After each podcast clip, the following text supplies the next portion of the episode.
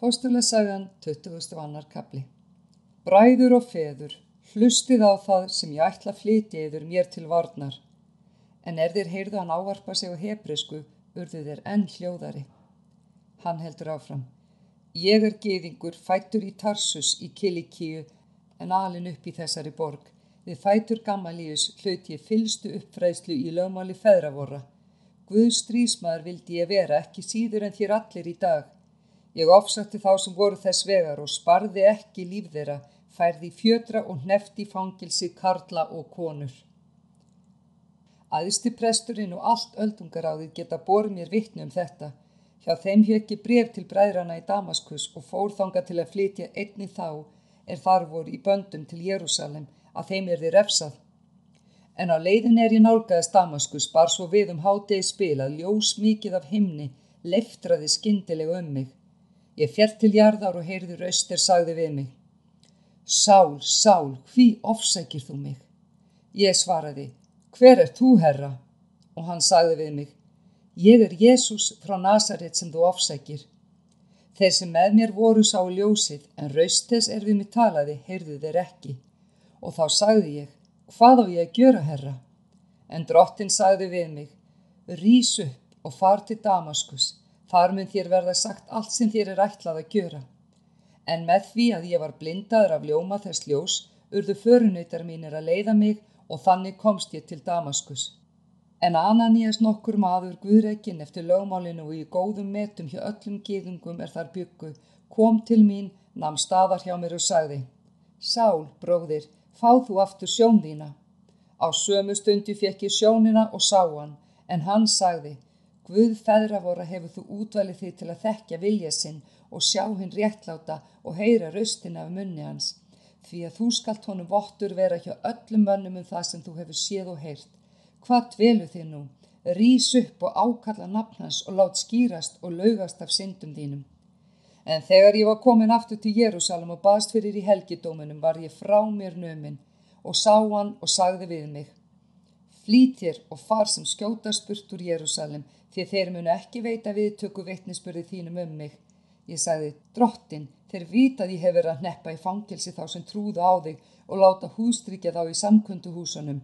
Og þegar útvelt var blóður Stefáns Vottarþins stóð ég sjálfur þar hjá og let mér vel líka og varðveitti klæði þeirra sem tók hann af lífi.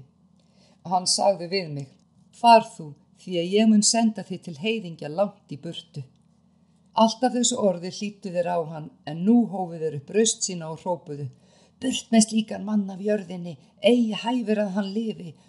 Nú sem þeir æftu og viksuðu klæðum sínum og þyrluðu reiki upp í loftið, skipaði hersveitarfóringin að fara með hann inn í kastalan og hýðan og kúan með því til sagna svo hann kæmist að því fyrir hverju sög þeir gjörðu slík ópað honum. En þá er þeir strengdu hann undir höggin, sagði Páll við hundrasöðingjan er hjá stóð.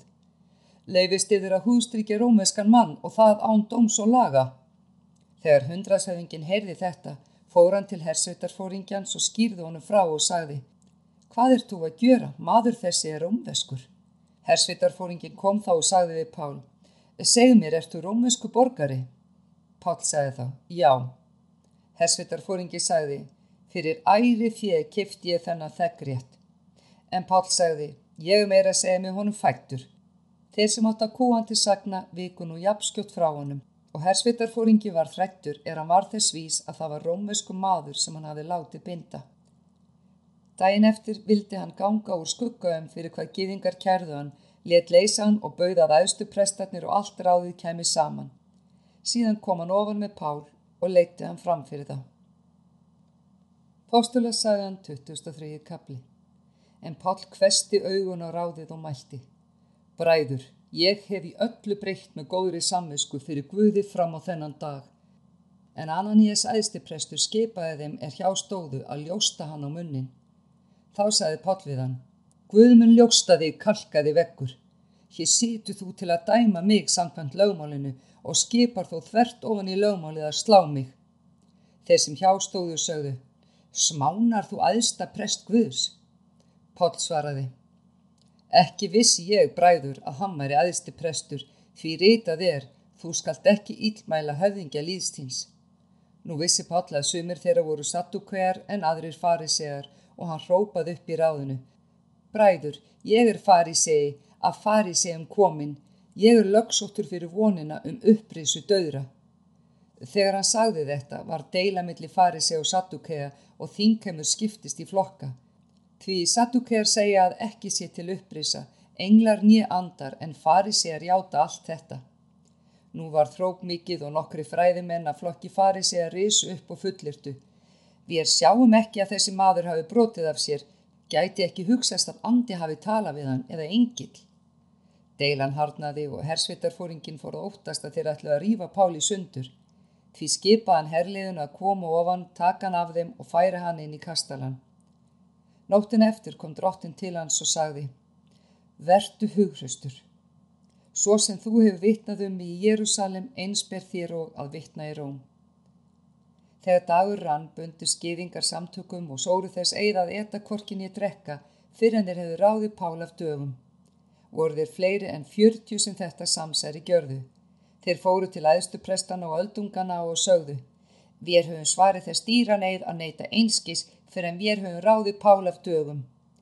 Nú skuli þér og ráðið leggja til við hersvitafóringjan að hann láti senda niður til yðar svo sem vildi þér kynna yður mál hans rækilegar en við erum við því búnir að vega hann áður en hann kemst alla leið.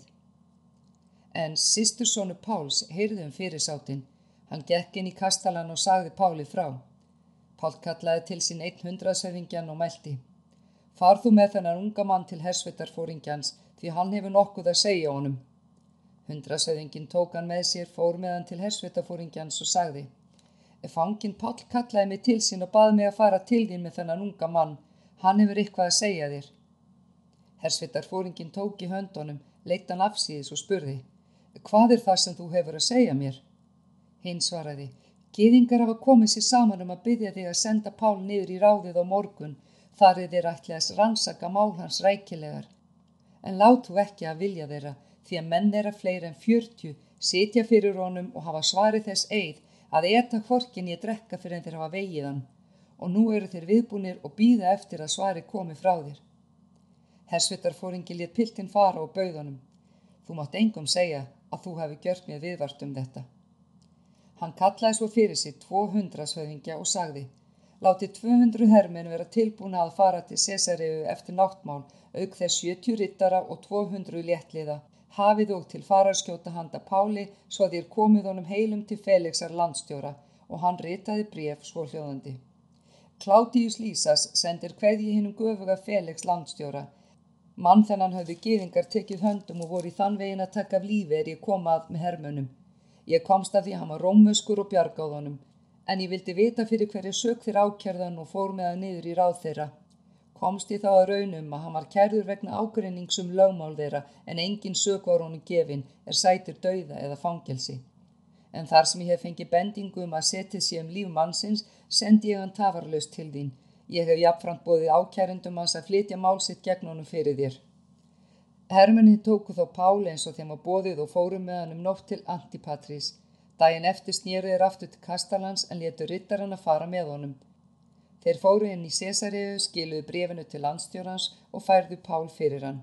Hann las brefið og spurði úr hvaða skatlandan væri, var hann um tjáða hann væri frá Kilikíu. Þá mælt hann. Ég mun rannsaka mál þitt þegar kærundir þínni koma og hann bauð að geima hann í höll Herodesar. Póstulasagan 24. kapli Fyndum síðar fór Ananías æðstiprestur ofanþangað og með honum nokkrir öldungar og Tertulus nokkur málafæsli maður. Þeir báru sækir að Pál fyrir landstjóranum, hann var nú kallaði fyrir en Tertulus hóf málsóknina og sagði Fyrir þitt tilstilli gufi í Felix sitjum við er í góðum fríði og þjóðvor hefur sækir þinnar fórsjár öðlast umbætur í öllum greinum og allstæðar Þetta viðukennum við er mjög þakksamlega, en svo að ég tefji þig sem meins byrði ég að þú af mildi þinni viljir heyra oss litla hríð. Við höfum komist að raunum að maður þessi er skadræði, kveikir ófrið með öllum geðingum um víðaveröld og er forsprekki villiflokks Nazarea. Hann reyndi meira að segja vanhelga musterið og þá tókum við hann höndum með því að yfirheyra hann máttu ganga og skugga um öll sakarefni voru gegn honum. Gýðingarnir tóku undir sakargiftirnar og hvaðu þetta rétt vera. Landstjórin benti þá Páli að taka til máls. Hann sagði, kunnugt er mér um að þú hefur verið dómari þessara þjóðar í mörg ár. Mun ég því ótröður verja mál mitt. Þú getur og gengið úr skugga um að ekki eru nema tólf dagar síðan ég kom upp til Jérúsalem að byggjast fyrir og enginn hefur staðið mig að því að vera stæta við neittni eða æsa fólk til óspektar, kvorki í samkunduhúsunum nýjan einstaðar í borginni. Þeir get ekki heldur sanna þér það sem þeir eru nú að kæra mig um, en hitt skal ég játa þér að ég þjóna Guði feðra voru samkvæmt veginum sem þeir kalla villu og trúi öllu því sem skrifa stendur í lögmálinu og spámanunum. Og þá von hef ég til Guð sem þeir sjálfur hafa að uppmunni rýsa bæði réttlátir og ránglátir. Því tem ég mér og sjálfur að hafa jafna hreina samvisku fyrir Guði og mönnum. Eftir margra ára fjárveru kom ég til að færa fólki mínu ölmusugjafir og til að fórna. Þetta var ég að gjöra í helgidóminum og hafði látið hreinsast og engin var þá mannsöfnuðurinn ég uppþótt þegar menn komu að mér. Þar voru geðingar nokkri frá Asíu, þeir hefði ótt að koma fyrir þig og bera fram kæru, hefðu þeir fundið mér eitthvað til saka. Annars skulu þessi sem hér eru segja til hvað saknæmtir fundu þegar ég stóð fyrir ráðinu. Nefna þessi þetta eina sem ég hrópaði þegar ég stóð á meðal þeirra. Fyrir upprísu döður er ég lögsóttur í dag, frammi fyrir yður.